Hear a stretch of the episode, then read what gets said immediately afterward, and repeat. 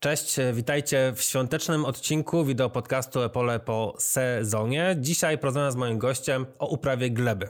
Orać, czy też może nie orać, a jeżeli nie orać, to który system uprawy wybrać. Moim dzisiejszym gościem jest pan profesor doktor habilitowany Tomasz Piechota z Uniwersytetu Przyrodniczego w Poznaniu. Dzień dobry panie profesorze. Dzień dobry. Panie profesorze, e, faktycznie, orać czy nie orać, to jest takie zagadnienie na, na temat, którego byśmy mogli rozmawiać bardzo długo. E, porozmawiamy najpierw o tym, dlaczego warto orać, czy warto orać i kiedy to robić, bo faktycznie jeżeli chodzi o ten typ uprawy w Polsce, to chyba jednak większość z rolników jeszcze go stosuje. No zdecydowana większość e, to wynika z tego, że orka, mimo tego, że ja jej nie lubię, ma mnóstwo zalet. Gdyby tak nie było, to przez ostatnie 200 lat nie upowszechniłaby się jako praktycznie jedyny system uprawy roli w całej Europie Środkowej i, i, najbliższych okolicach. Przede wszystkim po orce zostaje nam czyste pole. Czyli zaczynamy jak gdyby od zera, wszystkie stare grzechy zostają ukryte pod ziemią, więc chociaż na początek jest, e, jest łatwo. Zwłaszcza jeżeli mamy proste narzędzia, e, dysponujemy małym uciągiem, wtedy ta orka potrafi naprawdę nam e, dużo życie ułatwić. A drugi powód to jest to, że orka dobrze przykrywa e, chwasty wieloletnie, tu myślimy przede wszystkim o perzu, osłabia je, przez to też łatwiej sobie radzić z tą grupą zachwaszczenia. Czy to są jedyne powody? Bo tak naprawdę faktycznie no, przyzwyczailiśmy się do tego, że jednak orzemy. W jakich sytuacjach e, no, ta orka będzie najlepszym wyjściem albo takim lepszym niż inne? E, znaczy, w tej chwili y, już nie możemy mówić, że będzie lepsza, natomiast będzie y, na pewno prostsza. Y, orka jest prostsza w sytuacjach, kiedy na przykład mamy do zagospodarowania obornik, kiedy mamy takie rośliny mocno po sobie zostawiające zniszczone w cudzysłowie pole, po ziemniakach, po burakach, gdzie to jest rozjeżdżone z kolejnami. To na pewno. Y, również w sytuacjach, kiedy y, mamy trudności z poradzeniem sobie z zachwaszczeniem y, z różnych powodów, wtedy przykrycie tych chwastów jak gdyby daje nam pewien oddech na krótki moment, ale to są takie sytuacje raczej nie wynikające w mojej opinii z, z takich przesłanek obiektywnych, tylko z braku pewnych konkretnych możliwości danego rolnika.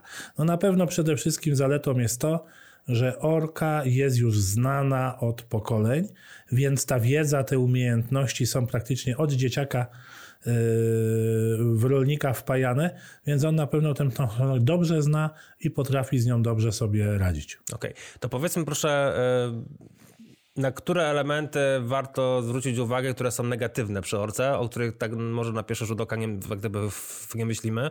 Bo pierwsza rzecz, która mi przychodzi do głowy, to jest to, że w warunkach Polski mamy największy problem z próchnicą i z wodą, a orka jest tym systemem uprawy, która z jednej strony może przyczynić się do tego, że tej próchnicy może ubywać, a co więcej, na stanowiskach, gdzie brakuje wody, może również powodować, że tej wody będzie jeszcze mniej. E, no dokładnie. Znaczy zasada jest taka, że im jest y, gorzej, jeżeli chodzi o warunki, tym większe znaczenie y, uprawy roli. I teraz, jeżeli mamy warunki dobre, opady w miarę równomiernie rozłożone, to orka się dobrze sprawdza, y, szczególnie niezbyt intensywnie wykonywana. Problem jest w momencie, kiedy my zaczynamy intensyfikować system, czyli zwiększamy głębokość orek. Co się wydarzyło w ciągu ostatniego pokolenia? Rolnik kupił większy ciągnik, kupił większy pług i kusi go, żeby orać głębiej w przekonaniu, że robi więcej. Tymczasem więcej ruszonej gleby to jest większa mineralizacja próchnicy i ta krucha równowaga, którą utrzymywaliśmy te ostatnie ki kilkadziesiąt, kilkaset lat, została zachwiana. I w tym momencie ubytek próchnicy oznacza gorsze właściwości wodne. Nie tylko, że sama orka przesusza, ale pogarsza możliwości gospodarki wodnej w glebie. I na to się nakłada teraz zmiana klimatu. Tu przede wszystkim w, w Wielkopolsce, w Lubuskim to widać najbardziej. I się okazuje, że te gleby odkryte przez długi okres są też narażone w czasie suszy na burze pyłowe. Y, które dodatkowo y, niszczą glebę, ale również niszczą na przykład buraki świeżo wschodzące, ale w tym roku widziałem też kukurydzę zniszczoną. Także to są te podstawowe aspekty, które w trudnych warunkach, przede wszystkim suszowych, zaczynają niestety dominować. Intensyfikacja orki to tylko kwestia głębokości, czy też kwestia częstotliwości jak gdyby przejazdów? Mm, częstotliwości przejazdów raczej nie zwiększamy, bo yy, bo koszty rosną też, nie? Rosną mhm. koszty, ale też dzięki większym ciągnikom mamy możliwość agregatowania narzędzi. Yy, ale właśnie ta głębokość, bo orki wykonujemy tak, jak wykonywaliśmy. Przedsiewną, przedzimową, czasem wiosenną, jedną przed każdą uprawą i, i tyle samo. Tylko, że ta głębokość z 18 na 30 to już jest prawie razy dwa. Y, I również uprawa pożniwna. Kiedyś wykonywano ją na 3-4 cm pługiem podorywkowym. Teraz taki agregat na bazie ciężkiego kultywatora pracuje na głębokości 10-12 cm. Do tego jeszcze jedzie dużo szybciej. Nie 4-5 km na godzinę, a kilkanaście. Czyli też ta siła mechaniczna uderzania w glebę jest dużo większa. Mhm. Kwestia uprawy orkowej to jest chyba też kwestia biologii, prawda? Bo faktycznie nie da się tej biologii w miarę stabilnie utrzymać, jeżeli tą ziemię przewracamy co jakiś czas. Yy, no dokładnie. Yy, dlatego po orce gleba potrzebuje kilka tygodni, żeby wydobrzeć. Teraz się raczej uważa, że to słowo wydobrzeć, takie starodawne, może nie modne, zastępuje się je słowem odleżeć. A to nie jest tylko kwestia odleżeć, bo gdyby to o to chodziło, to wał Campbella sprawę by w pełni załatwiał. Wydobrzeć, tak jak po chorobie trzeba przejść okres rekonwalescencji, tak samo gleba, ponieważ my zmieniamy zupełnie warunki życia mikroorganizmu, czyli te beztlenowe wyciągamy na powierzchnię, gdzie jest tlen dla nich zabójczy, a te tlenowe, które były przy powierzchni, czyli tak do 10-15 cm w głąb, wrzucamy na dno, gdzie giną z braku powietrza. I potrzebujemy kilka tygodni, gleba potrzebuje, żeby to się z grubsza e, odbudowało. Mhm, Okej. Okay. To takie przewrotne pytanie, to w jakiej sytuacji w takim razie najlepiej przejść na oprawę bezorkową? Czy odpowiedź w każdych to jest ta właściwa, czy, czy możemy gdzieś znaczy, wejść głębiej szczegóły? Dla gleby ideał to by była każda sytuacja, natomiast w pierwszej kolejności ci, którzy odczuwają jakieś poważne problemy związane z systemem orkowym. Czyli to będzie erozja i to będzie susza. W naszych warunkach te dwa y, czynniki y, dominują. Przy czym erozja to nie jest tylko wywiewanie czy wymywanie gleby, to jest również nadmierne zagęszczenie gleby. Tworzenie się skorupy, ujechanych kolejn, czyli brak tej prawidłowej gospodarki gospodarki wodnej. Co zresztą widać w Polsce, w których rejonach się więcej rozwija tej technologii, w których mniej. Erozja wietrzna to problem przede wszystkim wywiewania tych najbardziej takich istotnych części, prawda, gleby, tej części ilastej. Które rejony w Polsce są najbardziej zagrożone? Wielkopolska, Lubuskie, a gdzie jeszcze? To znaczy generalnie y, erozja wieczna jest skojarzona z suchą glebą. Czyli tam, gdzie mamy niedobory opadów w okresie, kiedy gleba jest sucha, w naszych warunkach najczęściej wiosną, no to faktycznie Wielkopolska, Kujawy, y, Lubuskie.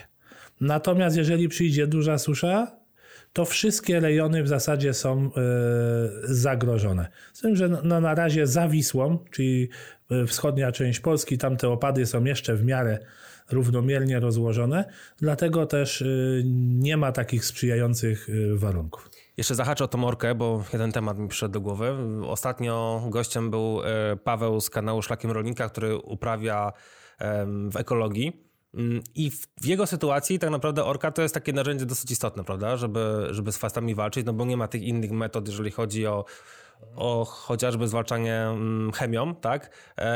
I, I on jeszcze w dodatku gospodaruje w, w terenach e, podgórskich, więc ma tej wody dużo i tak naprawdę nie ma problemu z, jak gdyby, z wysuszaniem gleby. Mm, czy, czy, czy tylko tam w ekologii orka jest takim sposobem na to, czy w ogóle ekologia i orka to są takie dwa słowa, które powinny się lubić? E, wręcz przeciwnie, ponieważ ekologia opiera się o naturalne procesy, opiera się o zdrową glebę. A zdrowa gleba, taka naprawdę zdrowa, jest w momencie, kiedy jej nie odwracamy. Oczywiście w ekologii rezygnacja z orki na początek jest trudniejsza, ale jeżeli przejdziemy ten etap, to w tym momencie efekty w ekologii mogą być nawet większe niż w rolnictwie konwencjonalnym. Okej. Okay. Super, no to też fajnie to otwiera trochę spojrzenie, no, chociaż to faktycznie to, co pan powiedział, ekologia, zdrowa gleba, zdrowa gleba, czyli więcej mikroorganizmów, tak, które pracują jak gdyby na mineralizację. Mm, uprawa orkowa, wiemy jakie ma minusy, to głównie chociażby ta kwestia wody i erozji wiecznej i tak naprawdę wszystkie metody uprawy bezorkowej to są uprawy konserwujące glebę? E, nie. Nie, bo ponieważ, e, żeby mówić o konserwacji gleby, musimy mieć ściółkę, która tą glebę pokrywa, bo to ona e, jest tym czynnikiem konserwującym, czyli zabezpieczającym, chroniącym. Mhm. I tutaj, jeżeli będzie uprawa bezorkowa wykonywana dość intensywnie, czyli na przykład wykonamy od zbioru do siewu 3-4 razy zabieg talerzowania. No jest to mocno zminimalizowane, bo raptem kilka, może 10 centymetrów głębokości pracy, ale jednak ta cała ściółka zostanie e, wymieszana na tyle, że na powierzchni już nic nie zostaje. A inna sytuacja jest taka, kiedy mamy roślinę, po której już na dzień dobry ściółki nie ma. Kukurydza na kiszonkę na przykład, gdzie po prostu fizycznie nie ma co zostać, żeby tą e, konserwację realizować. Okej, okay. czyli tak naprawdę to zależy z jednej strony od systemu uprawy, z drugiej strony od płodozmianu też niejako, no bo, bo tutaj ma to, ma to znaczenie. Taką chyba najbardziej popularną w tej chwili um, uprawą konserwującą, to jest na pewno striptil, prawda? Bo przynajmniej jeżeli chodzi o medialność, tak, o tym no, jak często się mówi. Zdecydowanie tak. A poza striptilem, bo jemu chciałbym poświęcić trochę więcej czasu za chwileczkę, jakie jeszcze byśmy typy tej uprawy konserwujące wymienili? To znaczy, y, tu mogą być bardzo różne technologie stosowane, byleby nie za dużo mieszać tą y, ściołę. To mogą być bardzo płytkie, taka ultra płytka uprawa przy pomocy brony łopatkowej, która generalnie słabo przykrywa tą ściółkę, będzie preferowana, ale możemy ją uzupełnić o na przykład głębokie spulchnianie jakimś narzędziem zębowym, y, ale również brona talerzowa, jeżeli będzie zabieg wykonywany z rozsądkiem i na początku będziemy mieli y, dużo ściółki. Ostatnio takie pole wizytowałem, gdzie na dzień dobry było około 8-10 ton słomy y, zostawionej po uprawie pod rzepak zostało tego może połowa na powierzchni, ale to nadal było ponad 50% powierzchni gruntu y, pokryte przez te resztki. Także tutaj po prostu mhm zdrowy rozsądek rolnika. W literaturze często można znaleźć, że minimum 30%, tak? Jeżeli chodzi o ten stopień pokrycia. Absolutne minimum. Absolutne minimum, okej. Okay. I to faktycznie od tego poziomu możemy mierzyć, czy ta uprawa jest konserwująca, czy nie, bo jeżeli będzie ściółka w tej ilości, no to wtedy będzie chroniła na To znaczy, glebę. tak oficjalnie przyjęto y, w wielu zapisach, przede wszystkim w Stanach Zjednoczonych, które są pionierem, jeżeli chodzi o konserwację gleby, ale również tak wynika z zapisów y, Unii Europejskiej. To się bierze z głębokich obserwacji wieloletnich, że faktycznie poniżej 30% to ten wpływ ściółki już jest y, niewielki. Mhm.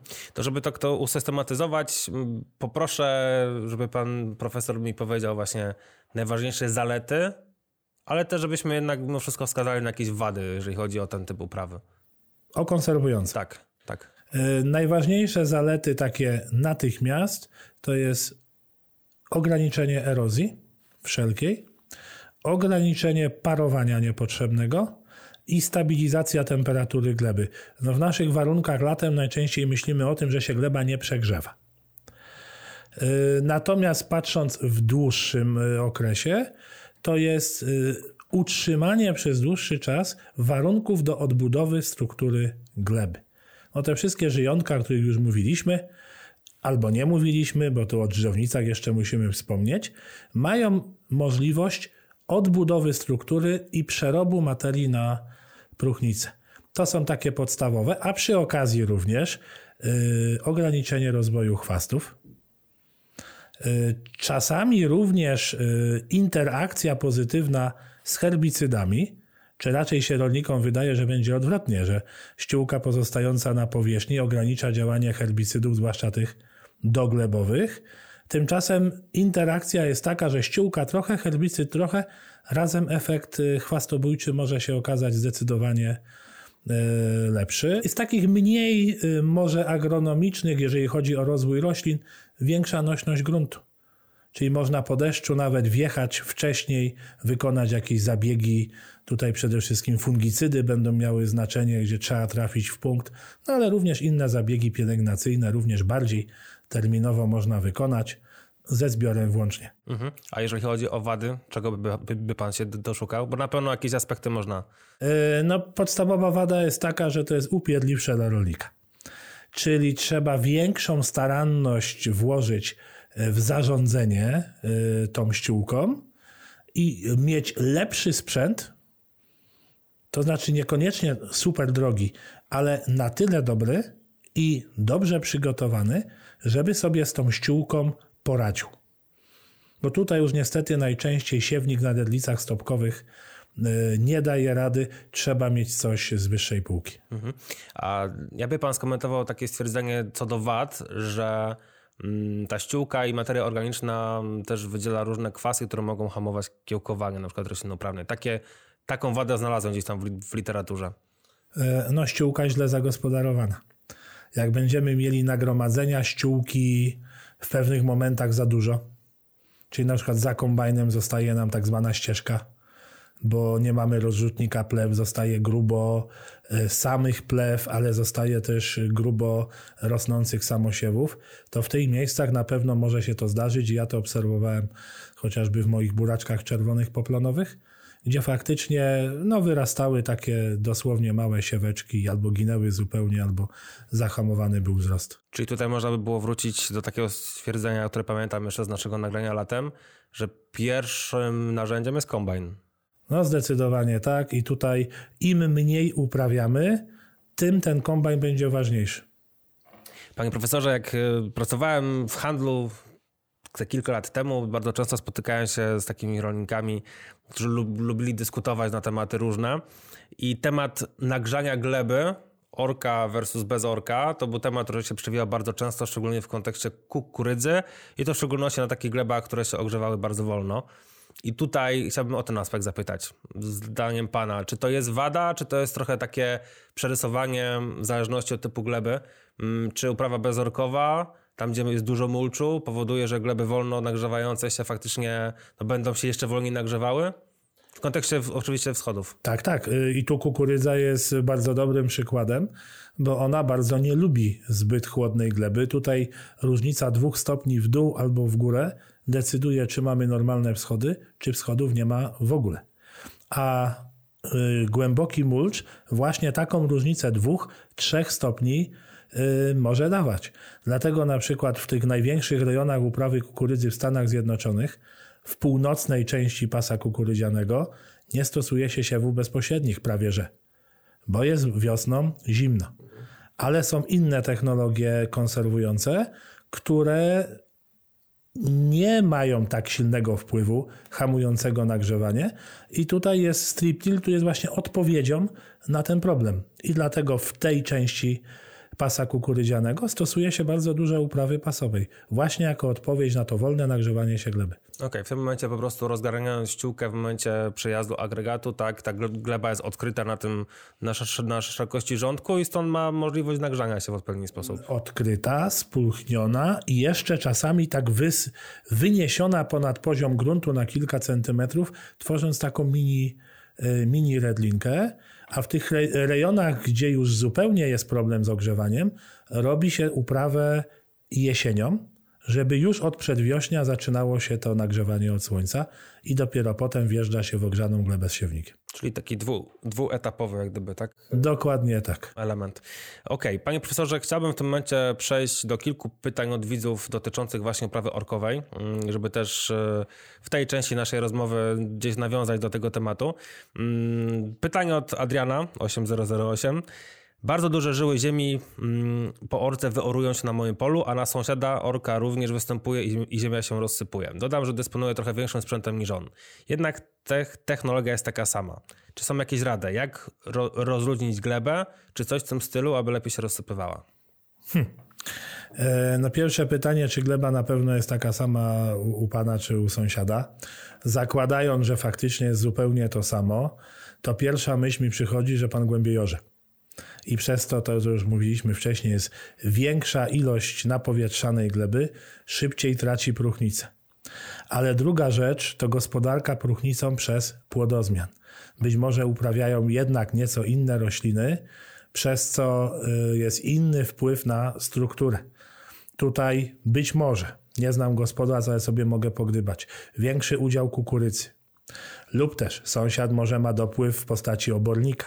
To są wszystko szczegóły, które w ciągu roku dają niewielkie różnice, ale kumulując się w ciągu lat, mogą spowodować właśnie, że u pana te bryły są duże, a u sąsiada ziemia się lepiej y, odkłada i sypie. Mhm, czyli tak w rolnictwie w większości elementów Zależy. To zależy, bo jednak y, Oczywiście, w różnych zależy. środowiskach. Natomiast, żeby panu coś konkretnego powiedzieć, to spróbować orać trochę płycej, postarać się o, o, większy dopływ materii, może jakiś ładny poplon wielogatunkowy, taki po szyi albo chociaż po pasa, żeby, żeby urósł. No i może będzie lepiej. Okej. Okay. Pan Paweł Kubacka 4175 napisał takie pytanie. Czy niezbyt głęboka orka, taka do 20 cm, co kilka lat przy układzie bezorkowym wniweczy korzystne oddziaływanie na glebę? Y, nie do końca. Ponieważ y, te efekty długofalowe pod tytułem nagromadzenie próchnicy, odbudowa struktury, też się nie zniszczą w ciągu jednego sezonu, czyli to w większości zostanie. Natomiast y, to wytworzenie się pewnych warstw które od powierzchni gruntu już naśladują układ naturalny, to będzie zniszczone. Natomiast ja zawsze mówię, że lepiej orać raz na 5 lat niż orać co roku.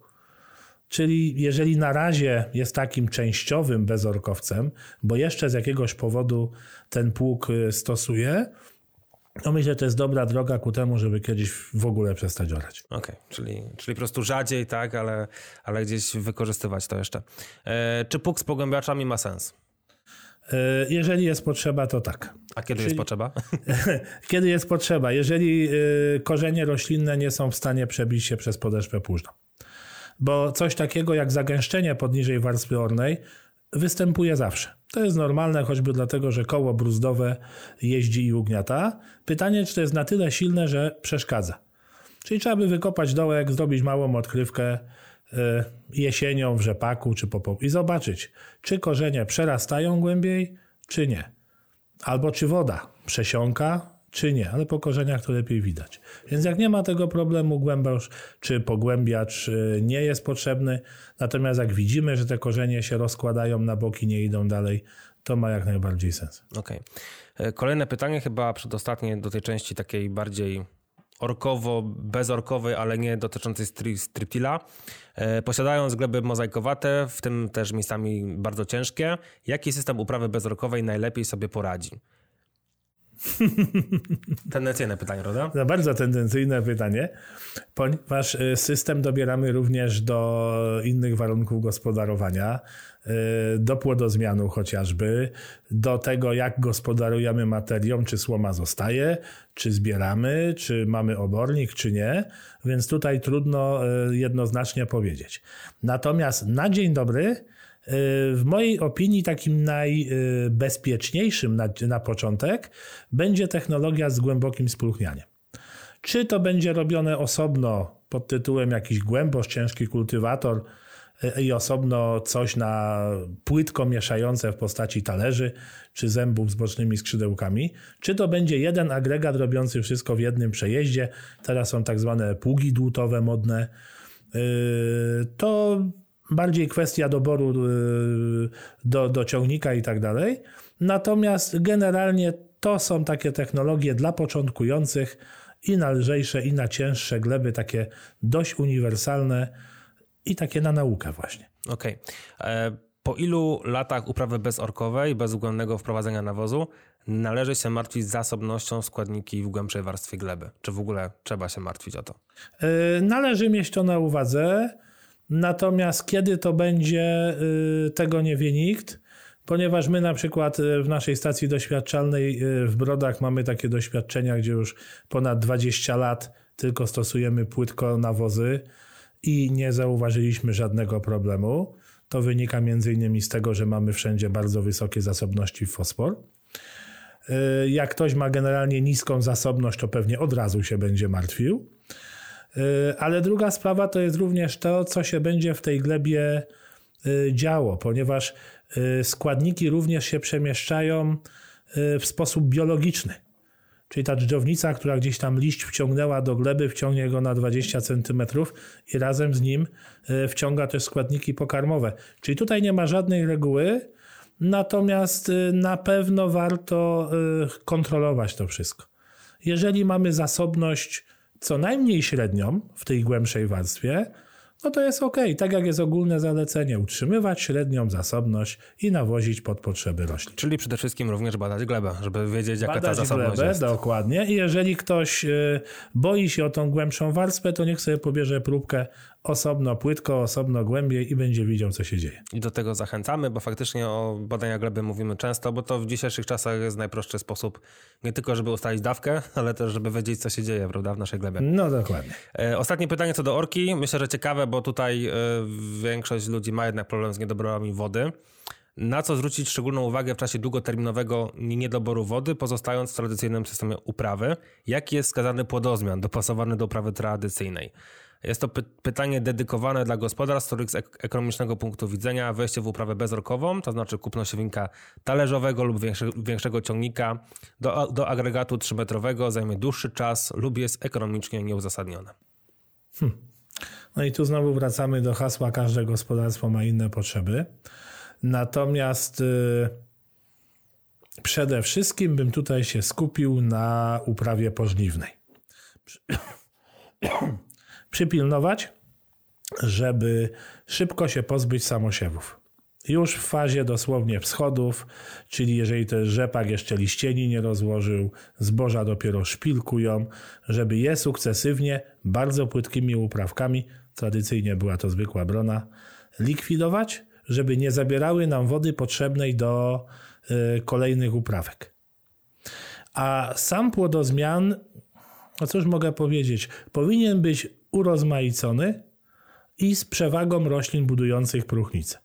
No, to jest najbardziej szczegółowe, co można tak w ciemno zalecić. To jest uniwersalne zalecenie dla wszystkich, nieważne jaką technologię uprawy roli mhm. stosują. To byśmy teraz tylko właśnie powiedzieli jeszcze, które, które rośliny budują próchnicę, na, na, na pewno motylkowe, prawda? Motylkowe, tu oczywiście najbardziej te wieloletnie typu lucerny, koniczyny, a tego uprawiamy niewiele. Na pewno wszystkie y, strączkowe, ale y, poza plonem głównym dobre międzyplony. I tutaj międzyplon zasiany latem ja wiem, on wypije całą wodę. Ale jeżeli my go zostawimy y, pod roślinę jarą, czyli na przykład pod kukurydzę, y, czy inną w ogóle sianą na wiosnę, przecież jesienią możemy czekać na deszcz, choćby nawet i do listopada. Więc tutaj nie ma problemu, że, że nie wykonamy tej orki, bo jest za sucho. W końcu doczekamy. Mhm, Okej. Okay. Bardzo dziękuję za odpowiedzi na te pierwsze pytania. E, ja sobie przewijam swój ekran, żeby wrócić do tych pytań, które chciałbym panu zadać teraz. I nie ukrywam, że zanim przejdziemy ściśle do striptila, chciałbym, żeby pan opowiedział mi trochę o historii tej, tej metody uprawy, bo tak jak pan wspomniał wcześniej, e, no jest to, jest to metoda bardzo mocno praktykowana w Stanach Zjednoczonych e, i chyba w latach 30. XX wieku została bardzo mocno upowszechniona, prawda?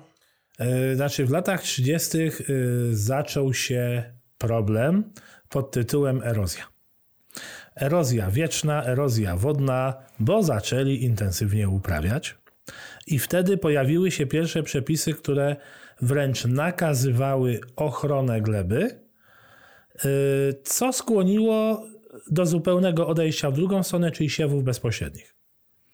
I w latach 70. XX wieku, kiedy, czyli już trochę lat minęło, ale no też musieliśmy się doczekać herbicydów. Pojawiły się herbicydy nieselektywne, e, czyli dikwat, parakwat. E, glifosatu jeszcze wtedy nie było, ale te już były całkiem przyzwoite. Pozwalały przygotować pole zupełnie bez uprawy do siewu bezpośredniego. I Amerykanie dość ochoczo się za to wzięli. Jedno, że mamy ochronę gleby, a drugie, że no, zerowy koszt uprawy. I siano tak kukurydzę, Y, inne rośliny i w tą kukurydzy wystąpił problem, o którym dzisiaj wspominaliśmy, tego braku nagrzewania się gleby na wiosnę. W cieplejszych rejonach to nie stanowiło problemu, natomiast w tych chłodniejszych no widać było, że ta kukurydza się męczy, że wschody są powolne, wypady roślin, bo wiadomo, zgorzele, inne takie y, problemy. I na początku lat 80., tak się oficjalnie przyjmuje, pewien rolnik y, z tego pasa kukurydzianego zauważył, że aplikując doglebowo nawóz, przygotowuje jednocześnie glebę do siewu. Przypadkiem, po prostu siejąc potem trafił siewnikiem w ten sam rządek i to mu lepiej rosło. A że Amerykanie są bardzo pragmatyczni, że zaraz się podzielił e, z sąsiadami, to trzeba podziwiać, że oni potrafią współpracować, dzieląc się swoją wiedzą bardzo szybko i nie można powiedzieć, że już amerykańscy naukowcy, ale już amerykańscy farmerzy w latach 80. zaczęli intensywnie pracować nad tą technologią. A potem przyszła rewolucja pod tytułem GPS, dzięki czemu można było dokładnie, szybko trafić w te same rządki, bo oni to zawsze robili e, dwuetapowo, właśnie po to, żeby gleba się nagrzała jeszcze przed siewem kukurydzy. No i w tym momencie już złapali Pana Boga za nogi i no gdzieś tak w połowie lat 90. nastąpiła wręcz eksplozja technologii e, uprawy pasowej. Czy możemy powiedzieć, że ta eksplozja w Polsce występuje właśnie teraz? Czy ona już wystąpiła kilka chwil wcześniej? Nie, u nas eksplozji nie ma. U nas jest systematyczny przyrost areału, aczkolwiek na pewno już ten okres takiego niemowlęctwa minął, to już jest w pełni dojrzała technologia, bo w Polsce warunki są zupełnie inne, trzeba było troszeczkę podejście zmienić. E, okej, okay, no to właśnie proszę mi powiedzieć, w jaki sposób to podejście musiało się zmienić. Czy to tylko kwestia wyobrażenia, kwestia tradycji trochę, jednak e, trzeba było kilka lat do tego, że okej, okay, będę robił inaczej niż to robiłem do, do tej pory, zauważyć te wszystkie plusy, o których mówiliśmy? E, no to na pewno też. To jest zresztą uniwersalny problem przy wszystkich technologiach bezorkowych, a szczególnie przy uprawie konserwującej. Bo jeszcze zrezygnować z pługa z bólem się czasami ktoś zdecyduje, ale żeby śmietnik na polu został, to już jest ciężko.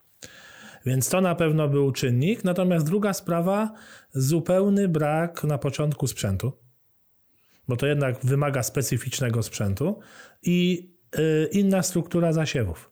No bo kukurydzę możemy powiedzmy, że nawet przejąć wprost z wzorców amerykańskich.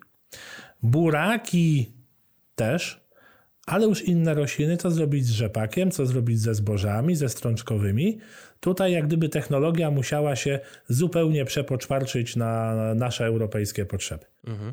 E, spotkałem się z takim zdaniem, że dzięki uprawie pasowej nie, jesteśmy, nie, jest, nie zbieramy więcej, zbieramy tyle samo, co w uprawie orkowej, e, z powszanowaniem jak gdyby gleby, tak, e, i też przeciwdziałaniem erozji wiecznej, wodnej i tak dalej takie zdanie w sumie dosyć e, prawdziwe, ale też zastanowiło mnie mocno, bo były takie lata, w których uprawa pasowa jednak potrafiła przynieść dużo wyższe plony, chociażby w rzepaku. Ja myślę, że ta opinia pochodzi z rejonów, gdzie jeszcze są w miarę stabilne warunki wegetacji. I tam czy technologię zrobimy orkową, bezorkową, zrobimy ją prawidłowo, to roślina w pełni wykorzysta y, warunki siedliska. Natomiast y, tam, gdzie warunki są skrajne, tam możemy oczekiwać zdecydowanej różnicy. A może pan jakiś taki przykład właśnie podać? Na zasadzie różnic, największych różnic, z którymi się pan spotkał w jakimś doświadczeniu nawet? E, no takie doświadczenie w Bobiku y, u nas w Brodach, gdzie w dobrym roku mieliśmy ponad 6 ton Bobiku po orce, około 7 ton bobiku po uprawie pasowej, a w skrajnie suchym, tragicznym roku mieliśmy około tonę 200 bobiku po orce i ponad półtorej tony bobiku po uprawie pasowej. Ja wiem, że to i tak jest żenująco niskie, ale to jest nadal te 300-400 kilo plonu uratowane. Ja mam w głowie takie doświadczenie, które było przeprowadzone chyba w 2020 roku, gdzieś w Wielkopolsce, na takich glebach suchszych właśnie, gdzie porównywano trzy technologie uprawy. E, no-till, uprawa orkowa i, i pasowa w rzepaku i tam były różnice naprawdę duże. Przy, przy uprawie pasowej to było bodajże jakieś prawie tona, tona, tona różnicy w stosunku do orki. E, no i to na mnie zrobiło wrażenie, bo to i wyglądało, i wizualnie można było ocenić te różnice, i też faktycznie w plonie też to wyglądało, ale, ale cały czas ludzie są tacy nieprzekonani, prawda? Często możemy gdzieś tam wyczytać, posłuchać tych nieprzekonanych. E, jakiś taki jeden twardy argument, ale taki ogólny na razie, który mógłby ich przekonać? Do Steel Tak. Bo jest lepszy? okay. Nie, no jeden twardy argument jest trudno. No, uprawa konserwująca wykonana w prosty sposób. Bo w przeciwieństwie do innych upraw konserwujących, rządek mamy czysty. Więc prościej, łatwiej jest zasiać, mniejsze ryzyko, że nie będziemy mieli na przykład wschodów, bo źle zasialiśmy. Między innymi na te tematy, też na temat nawożenia czy konstrukcji e, agregatów, tak, e, porozmawiamy sobie w drugiej części naszego wideo podcastu. Bardzo panu profesorowi dziękuję za tą pierwszą część. Dziękuję bardzo, wszystkiego dobrego na święta życzę. Dokładnie, wszystkiego dobrego, zdrowych, spokojnych świąt. Widzimy się z wami w przyszłą niedzielę, w nowy rok. Do zobaczenia.